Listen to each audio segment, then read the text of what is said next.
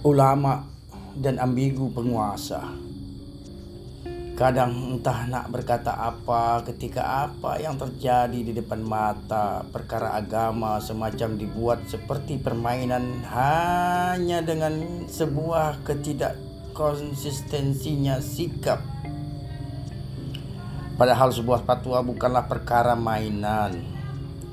Tapi para penguasa entah paham atau tidak entahlah mereka tak peduli ketika marwah fatwa ulama hanya menjadi olok-olokan atas apa yang mereka buat.